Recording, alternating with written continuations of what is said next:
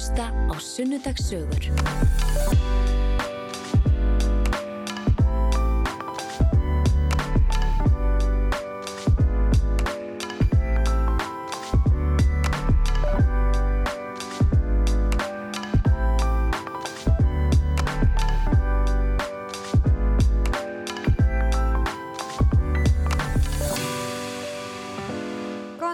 Og verið velkomin í þáttinn Sunnudagssögur. Ég heiti Steini Skúladóttir og stjórn á þáttunum í februar en þemað er rauðsokkur. Konurnar sem vildu breytingar og jafnrétti og hristu all hressilega upp í landanum á árunum 1970 til 1982. Ingibjörg Sólum Gísladóttir og Hildur Hákonadóttir voru gestir í síðustu þáttum en gestur minn í dag er rítstjóri, bókmentafræðingur, ríthöfundur, gaggrinandi, bladamaður og þýðandi. Hún gekk til liðs við Rauðsokkuhreyfingur á 1976 og heitir Silja Aðalsteinsdóttir. Silja, verðu hjartanlega velkomin og bara svona til að byrja með, þetta eru mjög margir titlar, áttu þér einhvern svona uppáhaldstitil? Um, uppáhaldstitilli minn er rittstjóri. Rítstjóri, já. Þó ég rittstýri nú voðalega lítið nú til dags. Það er svona ég fæ einstaka handrit til þess að rittstýra en, en um, mér fannst þetta svo merkilegur og góðu titil þegar ég varð rittstjóri í fyrsta sinn. Einmi, og það var þarna hjá þjóðvílanum, er það ekki? E, það var hjá tímarættum alls og menningar Já, ok. fyrst. Þú ert náttúrulega líka, þú ert bókmentafræðingur, þýðandi, já, bara bladamaður, uh, gaggrínandi, en ég ætla að halda mig Og við rítstjóri. rítvöndur Rithöfundur. uh, en ekki á skáldskap. Nei, Ég er algjörlega saklus af öllum skáldskap. en ég hef búið til æfisögur og bæði lifandi og, og látina já. og, uh, og, og fræðibækur. Já. Já. Og svo ertu rauðsokka. Svo er ég rauðsokka, já, og þú saðir við mér síman einu sinni rauðsokka, æfinlega rauðsokka, er, það ekki? Er það ekki Af daldið því ég reyndi svona aðeins að koma mér undan verkefninu, sagði að nú væri orðið langt um liðið, síðan það var.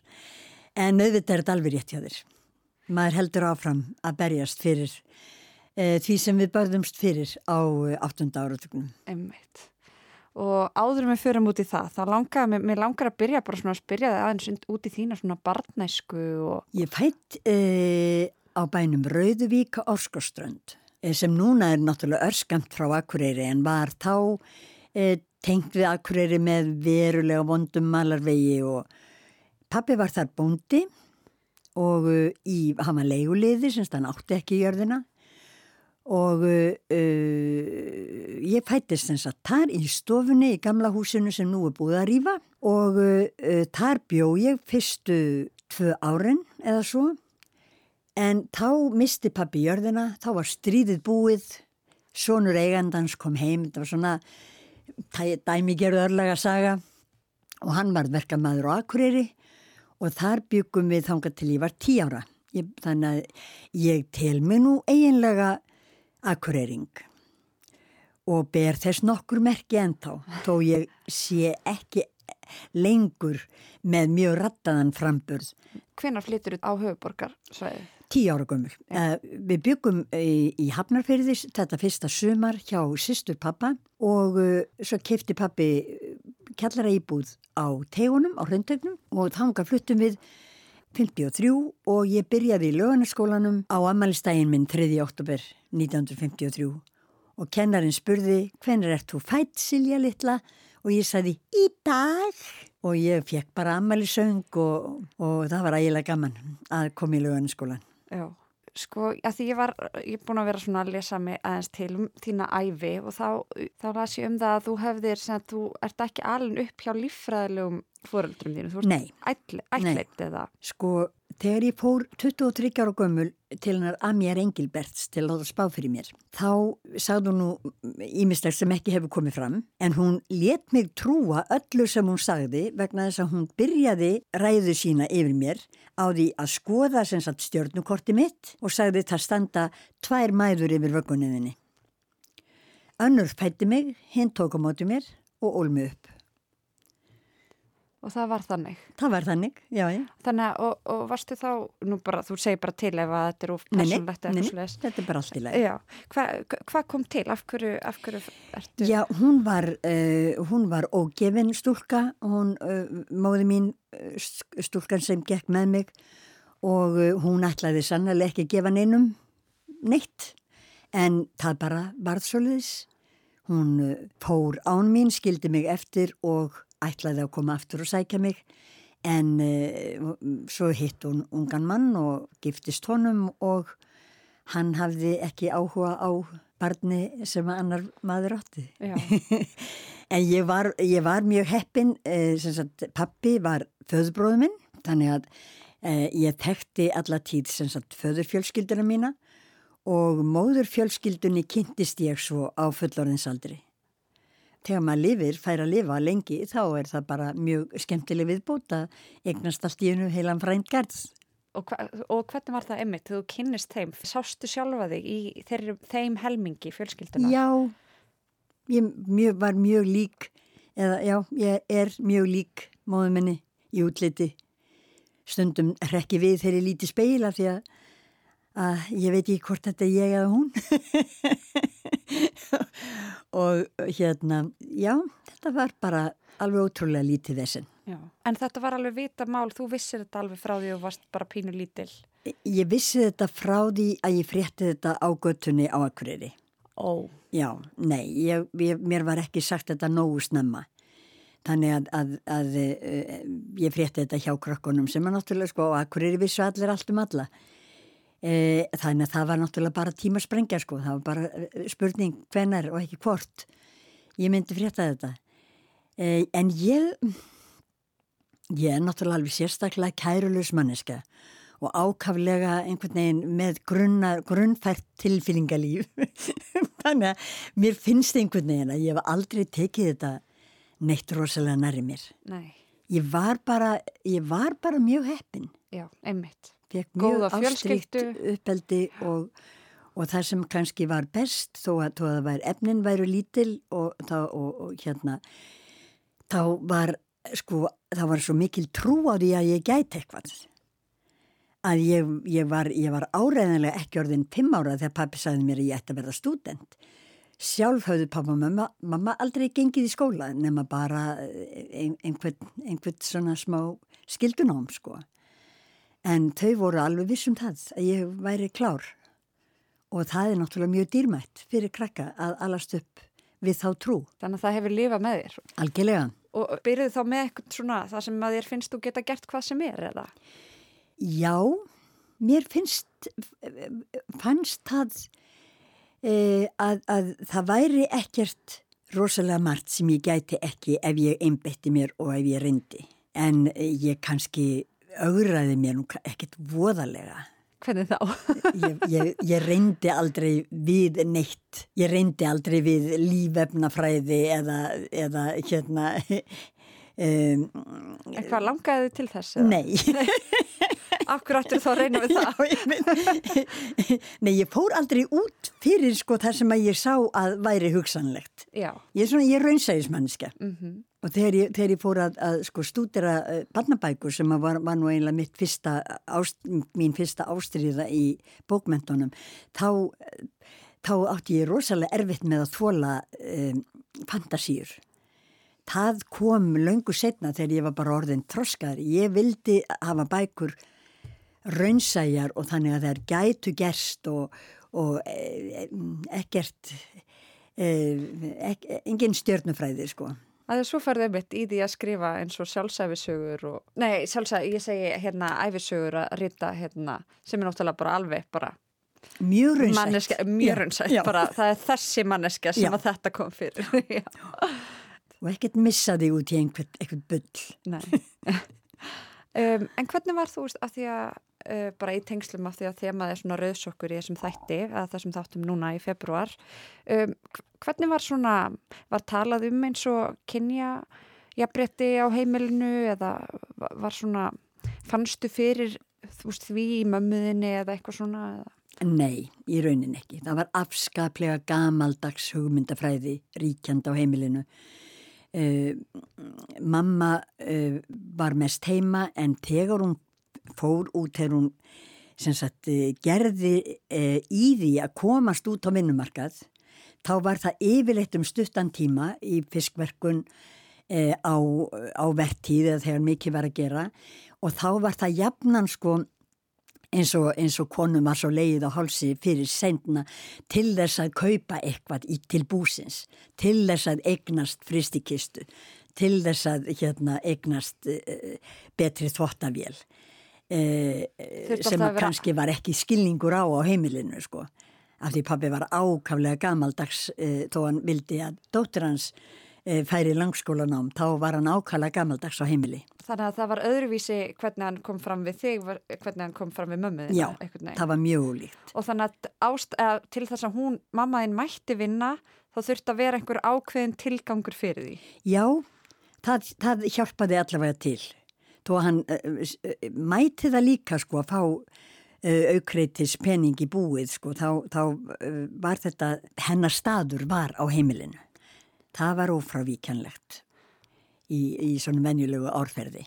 En sko svo náttúrulega í, í mentaskóla sko þá er ég með miklum baróttu konum og, og gekk aldrei almennelega í þeirra raðir en ég hlustaði á þær og, og hafði áhuga á því sem þær voru að segja. En það var, það var í mér sko smá tappi tannig að e, eins og þegar, þegar að Vilborg Dagbjörnsdóttir ringdi í mig þegar að Rauðsokar ætluði að lappa á fyrsta mæ 70 og hún vildi vita hvort ég ætlaði ekki vera með. Þá sagði ég nei, ég, ég, ég þarf þess ekki. Ég kemst það sem ég vil án þess að fá hjálp hvenna baróttu hvenna til þess. Þessara setningar sá, ég mjög mikið eftir en mér fannst það virkilega þá að ég þyrti ekki á neinu, neinu hjálpa að halda. Eh, og hvenar aftaður þið á því að þyrtir? Sko ég gekk fyrst í raðir, uh, ég gekk fyrst í Kvennindafélags Íslands og þar tók ég þátt í starfi úana sem þú hefur kannski lesið um. Ég var ein af úonum og uh, við gerðum rannsókn, það var nú náttúrulega vegna þess að ég var þá búin að fá brjálæðislegan áhuga á barnabókum, við gerðum rannsókn á öllum, bók, öllum barnabókum sem komu út árið 1971 og skrifiðum, gáðum stjörnur og skrifiðum greinargerð sem byrtist í blöðunum og uh, þetta varð svona upphaf á einlega mínum rittu, svona ferli sem bladamæður og gaggrínandi því að tegar ég svo ákvað að pilgja þessu eftir í íslensku námin í háskólanum þá bað ég hérna Átlan Bergman á þjóðviljanum um leifi til þess að fá að skrifa gaggrínu um barnabækur fyrir þjóðviljan meðan ég væri að vinna að eh, kandidatsriðgerðinu minni og svo held ég áfram og skrifaði bókum 200 ára sögu íslenskra barnabóka. Eh, þannig að þetta fléttast svolítið saman sko, eh, starfmitt sem gaggrinandi og bladamadur og, og kvemmfrelsis baróttan eða Emme. og við vorum náttúrulega í þessari rannsókn á barnabókunum, þá vorum við að skoða mömmurnar hvað eru, mammu, hvað eru mæðurnar að gera, hvaða máli skipta þær í bókonum, hvaða störf hafa þær, er þær allar inn á heimilinu, er munur á bókum sem gerast í fortíð og nútíð út frá því hvernig þær byrtast í bókunum, hvernig persóna þeirra er og, og þetta, þetta náttúrulega var mjög lærdomsrikt og aðrir hópar hjá úonum skoðuðu kjenslubækur og Uh, lestrarbækur og reikningsbækur og, og náttúrulega opimberðu hvað, hvað uh, konur uh, komu fáránlega út og hvaða hlaut að vera undarlegt fyrir reikvísk börn á áttunda áratögnum að lesa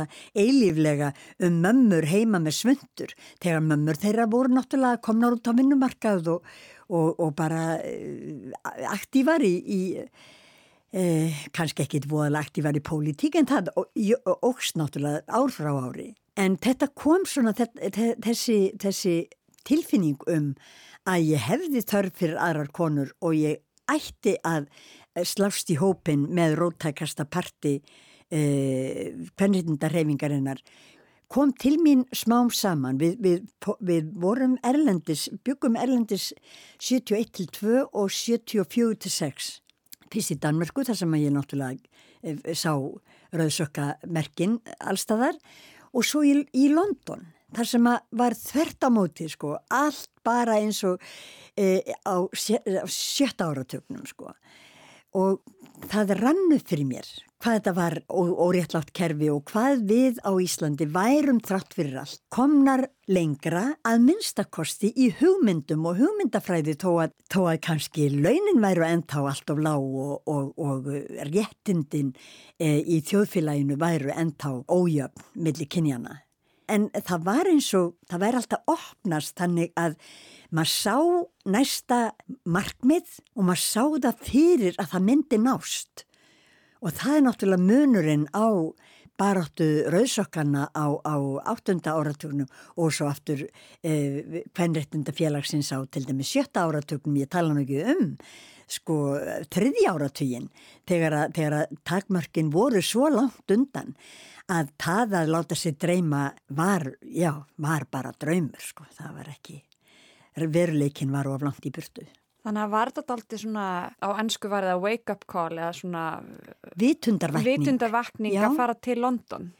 Það var það, ég, ég sá þar sko einhvern veginn, eh, ég var, ég var náttúrulega heima með börn, hérna Gunnar fór að kenna við, við, við háskólan í London, University College í London.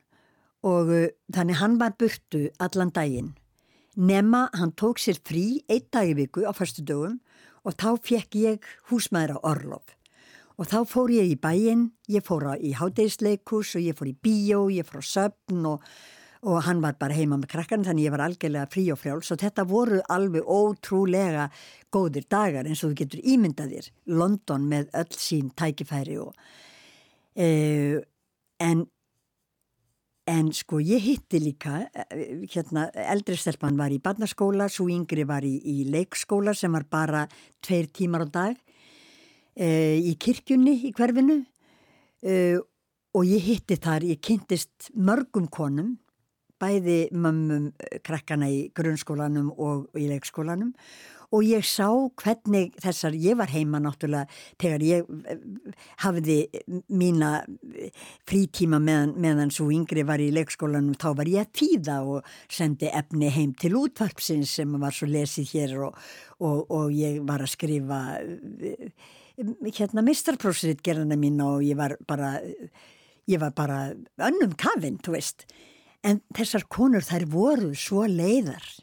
Konurnar sem ég hitti í í tengslum við, við skóla stelpnana allt of margar þeirra voru bara svo leiðar og leiðinlegar konur að það var bara, það var bara sorglegt sko.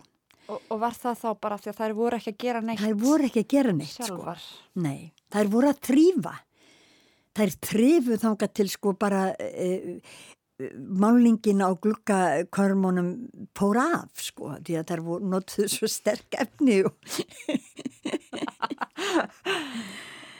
Já, já, nei þetta var mjög áhugavert og það er óskaplega holdt náttúrulega að búa meðal annara þjóða það lengi að maður pari að taka smá tátt í samfélaginu, nú fengum við náttúrulega aldrei kostningan eitt en eitt svoleiðis Það lítur að vera mjög merkilegt að, að, fara að, að velta fyrir sér pólitík í alvöru þannig að maður fara, fara að hugsa hvað af þessu fólki myndi ég vilja kjósa í, í bæjarstjórn, borgarstjórn.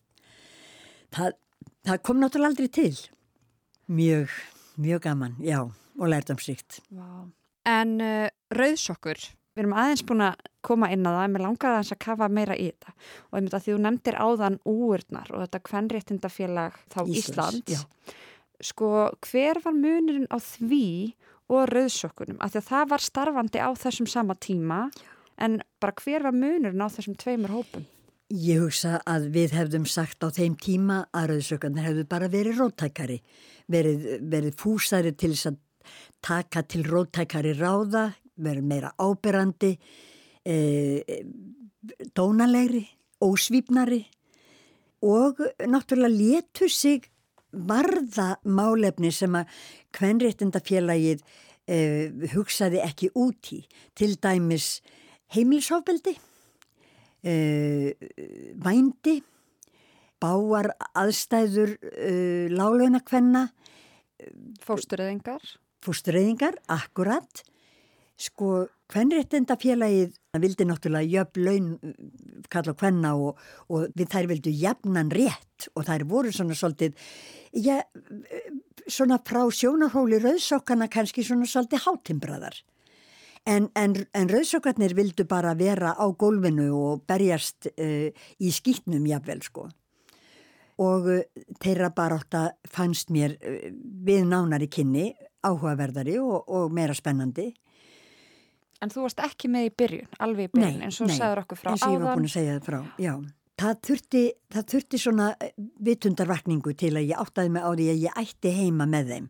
En þá fór ég líka og var nokkur ár mjög virk uh, hérna í til dæmis útgáfin átt forvitinni rauðri tímanetinu. Vélritaði þar mikið, þýtti, skrifaði skýrslur og, og uh, tók viðtöl og, og svona og, og við var í miðstjórn og Já, ef við tölum aðeins um þetta einmitt, þetta tímaritt, forvitin rauð, uh, sem kemur þarna út hvar, fyrst 1970 og er, er einmitt svona málgagn rauðsokka. já. Hva- Hvað, hérna, eins og þegar þú ert að þýða þannig, hvað varstu að, að taka fyrir? Það, við, vorum, við vorum náttúrulega svolítið uppteknar af til dæmis dönsku rauðsökunum sem voru gríðarlega virkar og, og spennandi hópur og við vorum að, að, hérna, að fá efni frá þeim og, og, og vinna úr því og uh, svo voru náttúrulega skrifað um leikskólamál mikið og fóstureyðingar. Það var líka sérstök síða í þjóðviljanum, uh, rauðsökku síðan sem, sem við sáum um nokkrar þar sem við gátum komist til fleira fólks því að forvitin rauður hafði náttúrulega mjög takmarkaða útbreyðslu og, og var eiginlega bara fjölrituð en þjóðvilji náttúrulega prentaður og, og þó hann hefði kannski ekki gríðalega útbreyðslu þá fór hann víðar og, og var geimdur en já, ég, ég kíkti í forvitna rauðar svona meðan ég var að þegar ég var að búa mig undir að spjalla við þig. Og uh, gamlu augun mín þau voru fljótlega mjög lúin á að lesa. Þetta er uh, svona rítfélarletur óla lítið og tíkalegt og erfitt að lesa þetta. Og mér fannst þetta svona mis, mismunandi skemmtilegt en æfinlega fróðlegt og, og svona baráttu glatt og við heldum hátíðir. Eh, ein hátíðin okkar eh, árið haustið 78 var, var eh, svolítið fræg núna bara um daginn þegar fólk rifjaði upp sögu Auðar Haralds því að þar las hún upp kabla úr kvöndagssetjunni sem kom svo út árið eftir. og vakti gríðarlega aðtegli þarna á hátíðinni sem var í tónabæ og geysilega vel sótt. Svona heitt dagur alveg frá mótni til, til minnættis Já, mér finnst það svo áhugavert við þetta, heyra sögurna með þessu afriðsokkunum í sokkholti og einmitt, forvindin rauð. Það verist eins og það hafi verið svo mikið stuð hjá okkur, það hafi verið svo mikið svona, Já, það var alltaf gaman já, bara og einmitt, menning, tónlist, viðburðir, Við húmor. til, byggum til dagskráum Ástu Siguradóttur sem var þá svolítið glemt uh, og fórum með hana austur á land á tvo staði og, og uh, þetta var svona, svona tryggja tíma dagskrá. Við byggum til aðra um Jakobínu Siguradóttur og, og svo náttúrulega sko, þú nefndi Sokkholt Sokkholt var uh, við skólaverustík 12 og það var svona hæð sem við höfðum á leigu. Og þar varð stundum svolítið erfitt að neyta að hýsa konur sem var á flótta að heiman frá sér og þar finnst mér svolítið að hafi verið fyrsti vísir að hvenna atkvarfinu og uh, þegar ég var í London 76 þá fór ég í hvenna atkvarfið í London og tók uh, viðtal við Erin Pissy sem að stopnaði fyrsta hvenna atkvarfið þar. Vá, og, og, uh, og, og skrifaði sem sagt opnu í þjóðviljan um tók viðtöl með nokkrar konur sem voru þar hefðu leitað hælis þar og það er svo nokkrum árum setna sem að hvernarkvarið hér heima er stopnað og þá var bókin sem Rauðsókarheimingin gaf út og ég var í þeim hópi uh, uh, og hér hvernafræðarinn, nýji hvernafræðarinn það var til gammal nefnilega, nýji kvönafræðirinn, það var nú eins og háskólanám að fara í gegnum það með, með stórum hópi velmentara kvenna hérna í ólíkum greinum og þegar súbók kom út og seldist rosalega vel, þá notuðum við alla peningana til þess að borga síman fyrir kvennaatkvarfið. Við heldum símalínu kvennaatkvarfins opinni meðan einhver peningur kom inn fyrir nýja kvennafræðirann. Ég, ég er svolítið stolt af þessu. Vá, einmitt og það er eitthvað svona eins og kvennaatkvarfi sem mann finnst svo sjálfsæður hlutur í dag en Já. er það alls ekki. Var... Nei, þetta er náttúrulega, þetta, þetta týrkaðist ekki hér, steini mín nei. sko. Nei, nei. Menn í öðrum landum eh, berja konunar sínar en ekki á Íslandi. Einmitt. Og einmitt, þetta er, einmitt, það er þessi baráttu andi sem er í gangi þannig í rauðsokkunum en líka þetta að vera til staðar fyrir hver aðra einhvern veginn. Já. Ég hugsa bara hvernig tóku kallarnir í þetta? Sko við náttúrulega leifðum kallum að vera með og það fannst mér ágætt, þeir eru aldrei margir. En, en hérna, en það var skilir þeir einlega frá upphafi og, og áður en ég, laungu áður en ég kom í, í hreiminguna og þetta var já, kallmenni sem, sem komu til liðs við okkur, þeir voru náttúrulega bara mjög sáttir og, og indislegir og allt í lagi með þá, þeir tóku þátt í e, skrifuðu greinar í forvitna rauða og, og e, voru e, til príði en aðrir kallmenn náttúrulega áttu ímislegt til. Og ég man náttúrulega sko eitt af því sem rak mig á endanum inn í hreyfinguna voru til dæmis rifrildi við ágæta ættinga mína í fermingavislum og studentsvislum og, og amalisvislum og svona þegar að var byrjað að messa um rauðsökkana og hvað þær væri ógeðslegar og, og ljótar og púkalegar og næður sér aldrei í mann og svona og það voru aðalrökin. Og hérna. Það var það versta sem fólk að dýmynda sér. Kallakonur, kallkonur. Þá einhvern veginn, þá bara varð maður að verja kynsistu sínar. Og, og þegar maður er byrjað að verja þá er maður orðin liðsmaður Þannig að hvaða árið þetta, mannstu það? Já, þetta er sem sagt á þessum árum sko frá því að, reymingin er stopnud 70 og, og þanga til ég kem inn e, að fullum kröftum 76. Já. Þetta tók langan tíma, ég er svolítið seint þróska. en svo við komum aftur að þessu, að munurinn á þá hvernréttindafélagi Íslands og Rauðsokkum, þær voru, það var verið að taka svona stærri skref hjá Rauðsokkum, það var aðeins, já, svona... Baráttu aðferðirnar voru óhefbundnar, já. já. Sko... En voru að vinna að því sama, voru hvernréttindafélagi Íslands, voru þær líka að vinna að því að Uh, til dæmis að fá lengra barnegnarleifi eða fá hérna, Já, ábyggilega fórstureyðingar og Það er höfður nú kannski minni áhuga á þeim en Já. ég fór eiginlega ekki að, nei, okay. nei, fara út í þetta nánar en, en svona uh, bæði baráttu málinn og baráttu aðferðirnar sérstaklega voru alltaf svolítið ólík Já. og svona eftir áhyggja um, hvort heldur þau að svona beri meiri árángur Ég held að aðröðsökundar hafi verið alveg nöðsynlegar. Ég samferðum það. Það er hafi... Hitt hefði tekið lengri tíma og kannski aldrei orði þessi sprenging sko, sem, að, sem varð og, og auðvitað þegar verður sprenging þá náttúrulega fjarar svona svolítið útháfaðinn en, en það er svo margt sem verður eftir og sem hefði kannski aldrei orðið ef, ef ekki hefði orðið sprenging. Þetta er mitt. Oh, þetta er geggja sko. Ég væri til í að þetta veri bara lokorðin í þættinum. Kannski bara spiliðu aftur og eftir. en ef við snúum okkur að öðru, sko ég las einhvers þar um að þú hefði verið fyrsti kvenn rittstjóri á Íslandi fyrsti kvenriðstjóri dagblads. Dagblads, ég skilði. Og það var hjá þjóðverðan. Konur búin að rittstýra tímaritum, bæði hvenna tímaritum og ábyggila öðrum tímaritum líka. Já, það, það dagblad var þjóðviljin. Já. Tangað var ég ráðinn. Uh, 1988 byrjaði uh, að vinna um, uh, um áramótin 88-9 og mín vera þar var afar stutt og afar þjáningafull. Þannig að ég hætti um mitt ár 89, tví miður. E, blaðið stóð mjög illa, það var svona að fjara út einhvern veginn, það voru engin peningar til og, og uh, hérna, e, það, var, það var svolítið erfitt e, andrumsloft á blaðinu sem oft fylgir náttúrulega peningaleysi og þegar maður langar til þess að gera eitthvað rosalega mikið og flott og, og má ekki og getur ekki. E, en hérna þetta var dýrmætt reynsla. Já. Og e, Ég myndi ég, segja þetta að vera mjög töff. já þetta var mjög töff Eða sko, essin svona cool.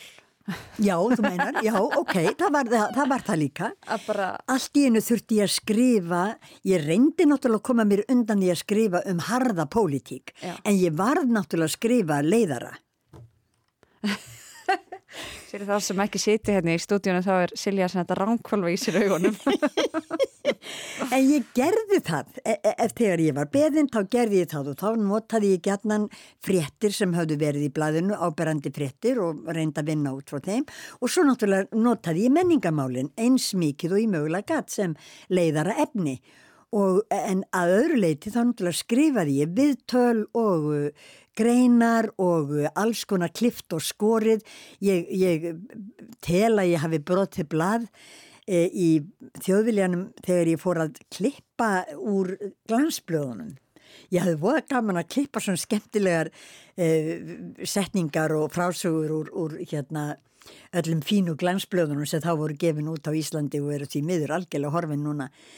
E, en það, það var náttúrulega, þetta voru metnaða mikil blöð og, og, og oft virkilega skemmtilegt efni sem var að finna í þeim og Ég segi, hef gætnan sagt að ég haf verið rekin frá þjóðviljanum og við Mörður Átnarsson bæði hættum þarna saman sem rittstjórar um sumarið en Átni Bergman verður alltaf mjög sár þegar hann heyrir þetta haft eftir mér þannig að ég ætla nú að leiðra þetta það núna. Ég var ekki rekin við hættum vegna þess að andrumslotti var orðið svo erfitt að það bara, þetta gekk ekki. Nú og, og hérna uh, um mjög um sama leiti og, og ég var að hætta á þjóðvílunum þegar ljóst var að ég erði launalaus bara eftir helgi.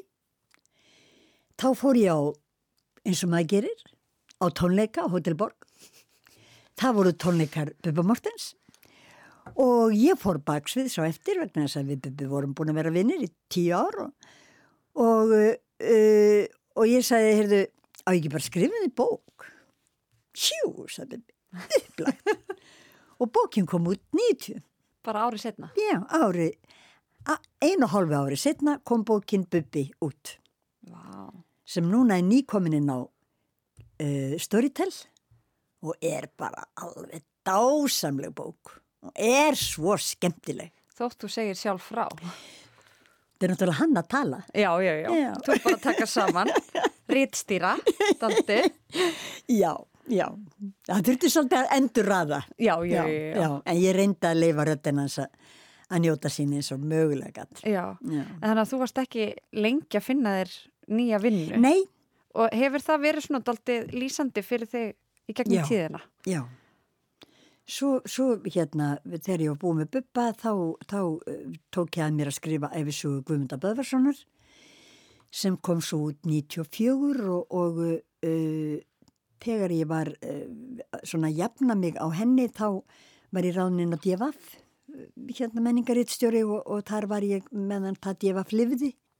Einmitt, ef við tölum aðeins um þetta, bara þig og menning og hvað þú elskar menningu mikið. Hvenar kviknar þetta? Ég hef náttúrulega verið bókaormur alveg frá því að ég, ég, ég man ekki eftir mér öðruvísi og sko áður en ég lærði að lesa þá, þá voru mér sagðar sögur og ég er alin upp við sagna sjóð frá báðum foreldrum og, og uh, föðursýstu minni sem ég var hjá í sveit Og svo líka þú sagðir að mammaðinn hefði sungið mikið Já, heima. svo söng hún, já, já, músikinn og ég var sendið í píanónám því miður þá var það ekki mjög langt í því. Ég held að sko það hefði hefði hendað mér svo miklu betur annarkvort að læra á gítar eða að læra að fara í jazz tónlistanám.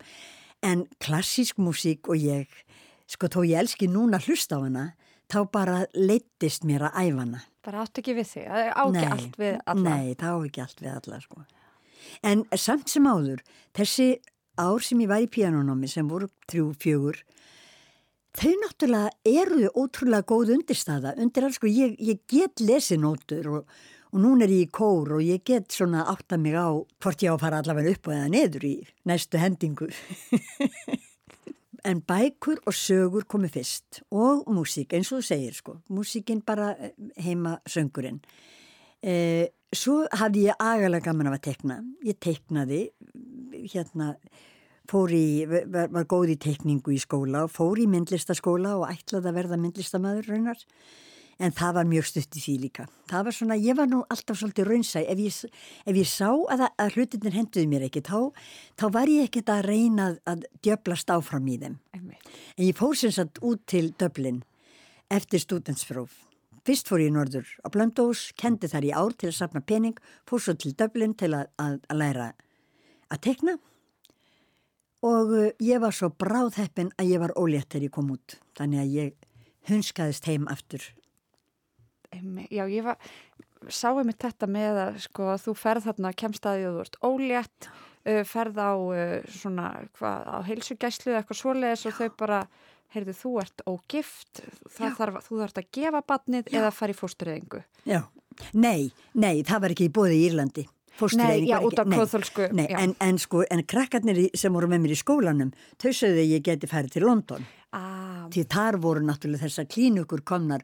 Og þegar ég kom til London eh, í fyrsta skipti, sko, þegar maður fór í neðanjarðilestunum, þegar maður fór upp og neður stígana til þess að fara í eða úr lestunum, þá voru þessar klínikur auglýstar á stórum vegspjöldum alveg lón og donna því þá var náttúrulega ekki hægt að fá þetta hjá uh, helsugestlunni ofinberu og þær voru tekna til starfa þarna 1964 og stelpunna sem ég var með í Beck sko í skólan, það er sögð, þú getur bara farið til London og Læknirinn á helsugjaststöðinni eða læknirinn sem ég fór til, hann sagði hérna, hér er bara engi mand að gefa barn, það er bara býða foreldrar eftir svona börnum, svona óvelkomnum börnum. Já. En mitt barn var í rauninni ekkit óvelkomið. Það kom á óvart, Já, en það var ekki en óvelkomið. það var velkomið. Þannig að það bara kemur svona uppið að bara, ó, ég er ekki Já. að fara í þessa átt og þú ferði aftur til Íslands. Já, og það fyrir ég bara í háskólan. Já, í íslensku. Það er nú gott. Íslensku og ennsku. Já. Náttúrulega Ír, Ír, Írland hjálpaði mér þar sko. Ég var þú búin að vera að tala eh, ennsku í hálft ár og, og, og eh, með mjög írskum framburði sem að klatti nú ekkert kennarana mína, pínu ennsku kennarana mína. Ok, en þannig að þú kemur heim, þú kemur heim og þú giftir þig Já, og, og þið eignist annað batn Já. og einmitt og þú ferði í þetta íslensku nám og ferði að þýða og, og svo leiðis. já. Uh, hvenar byrjar, hvenar byrjar le leikúsgakrinin? Sko hún byrjar eiginlega mjög, mjög sérkennilega. Ég var, ég var semst búin að vera að skrifa gaggríni í tjóðljan eh, um, um bækur. En svo bara einn daginn, þá ringir hún Bryndi Skram í mig. Eh, Hún var þá leikursgaggrinir á vísi og spyr mig hvort ég sé til í að taka síningu fyrir hana vegna þess að hún get ekki farið á frumsýningu hjá leikfélagi Reykjavíkur. Og mér fannst þetta bara mjög spennandi. Ég hef aldrei prófað þetta áður. En hafið farið í leikús áður? Par, eh, mjög mikill leikúsunnandi, já. Eins og í En- London bara alltaf í hátíð. Já, já, alla mína frídaga fór í leikús. Svolítið ég sagði já. Eh, Manstu hvaða leikrit þetta var? Þetta var franst leikrit sem að Vigdís Fimboðdóttir hafði týtt ef ég mann rétt og sett upp í hennar tíð í hjá leikfélaginu. Uh, Margret Helga Jóhannsdóttir leik aðalhutverkið, gerðist í fransku byltingunni og uh, var, var svona- gaman leikrit og nei, ég man ekki, nei, því miður, Nei. man ekki hvað heitir. Hva, hvernig finnst þér eins og, hvernig finnst þér góð gaggrinni vera? Mér finnst að hún eigi að vera ákveðin og kurteis. Ákveðin tannig að e, lesandin viti hvað manni finnst en kurteis þannig að maður sé ekki að draga óþarflega fram einhverja galla nema, nema það sé þá sko eitthvað verulega alvarlegt að.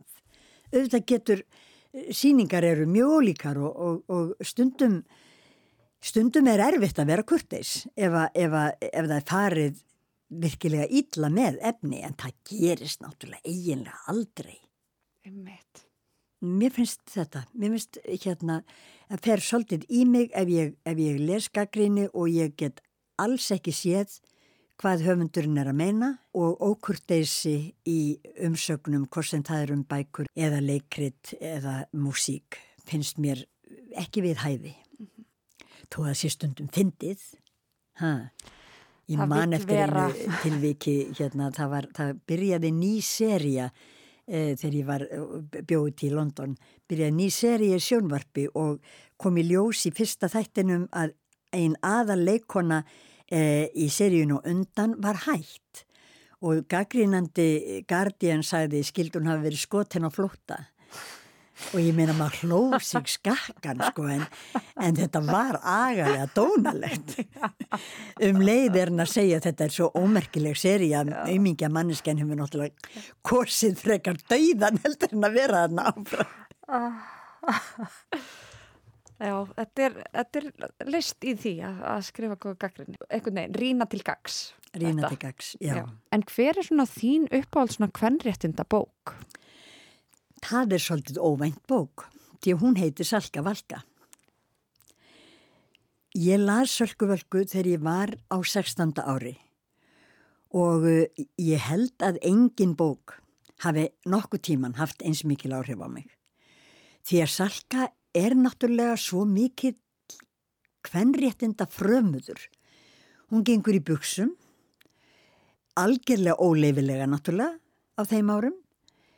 Hún berst með kæfti og klóm gegn, hún, hún svarar ofsækendum sínum með nefunum, hún uh, ræðst á árásarmannsinn sem hefur reyndað nöðgenni eða ætlaða nöðgenni.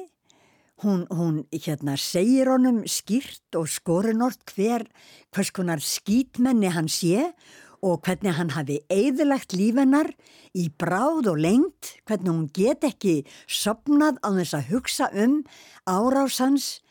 Eh, Hún segir okkur meira þessi bók frá 1931 um afleiðingar áfalla af kynferðsofbeldi heldur en við fengum svo að vita fyrir en bara áratugum síðar og það, það undrar mig alltaf þegar ég lesi þessa bók hvað Haldur Lagsnes var ótrúlega framsýtt hvað hann vissi mikið, hvað hann var næmur á tilfinningar já, hvernfólks alveg sérstaklega.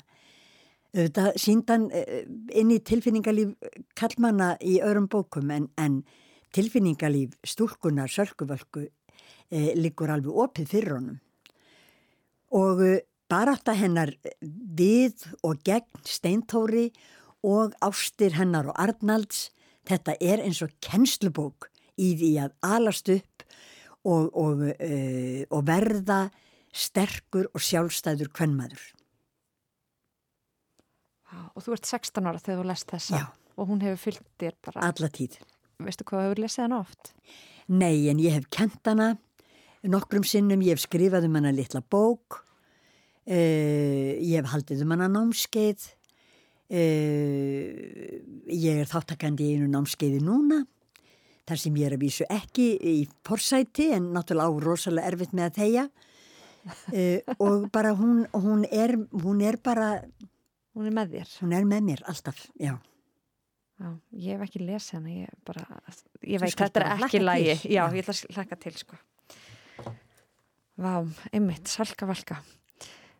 Silja, takk herlega fyrir spjalli og takk fyrir að hitta mig og, og, og gefa þér tími í þetta. Þetta er búið að vera meira lítið fræðandi, sko. Æ- Verði þér að góðu steini með mér, haf- hafði afskaplega gaman af að, að tala við þig. Já, Takka þið bara innilega fyrir mig. eitthvað svona lag í lokin? Og náttúrulega let ég það ekki undirbúið það, þetta er alveg bara svona Jú, ég var komið með lag í lokin. Eða, Já, já, af því að ég er alveg sammála eh, honum Bubba Mortens sko að ást er allt sem þarf og það er gott að elska er mitt lokalag. Og ég valdi þetta vegna þess að í þessu texta er uppáhaldssetningin mín í samanlögðum íslenskum bókmyndum. Og ef það er líf eftir þetta líf þá mun ég elska því líka þar. Ég veit að ég er búin að kveðja ég ætla bara uh, af því að þú náttúrulega hefur verið unni með bubba og verið að þá lesa yfir textanans og Já, við erum, við erum mjög góðir vinnir við já. nánir vinnir. hvernig kynntust þið bubbi? Við kynntumst í baráttu farandverkamanna. Ég var nefnilega rítari baráttuhóps farandverkamanna. Þar sem að Tolli var sko potturinn og pannan, Bróðir bubba bróði Bubba og, og uh, hann kom með litla bróður á samkomur og, og Bubbi söng. Og svo vorum við að þvælast um Suðunesin á baráttufundi og ég var að þýða útlendu farandverkamennina og, og skrá fundargerðir og, ég var rosalega hrifin af, af því sem Bubbi var að syngja.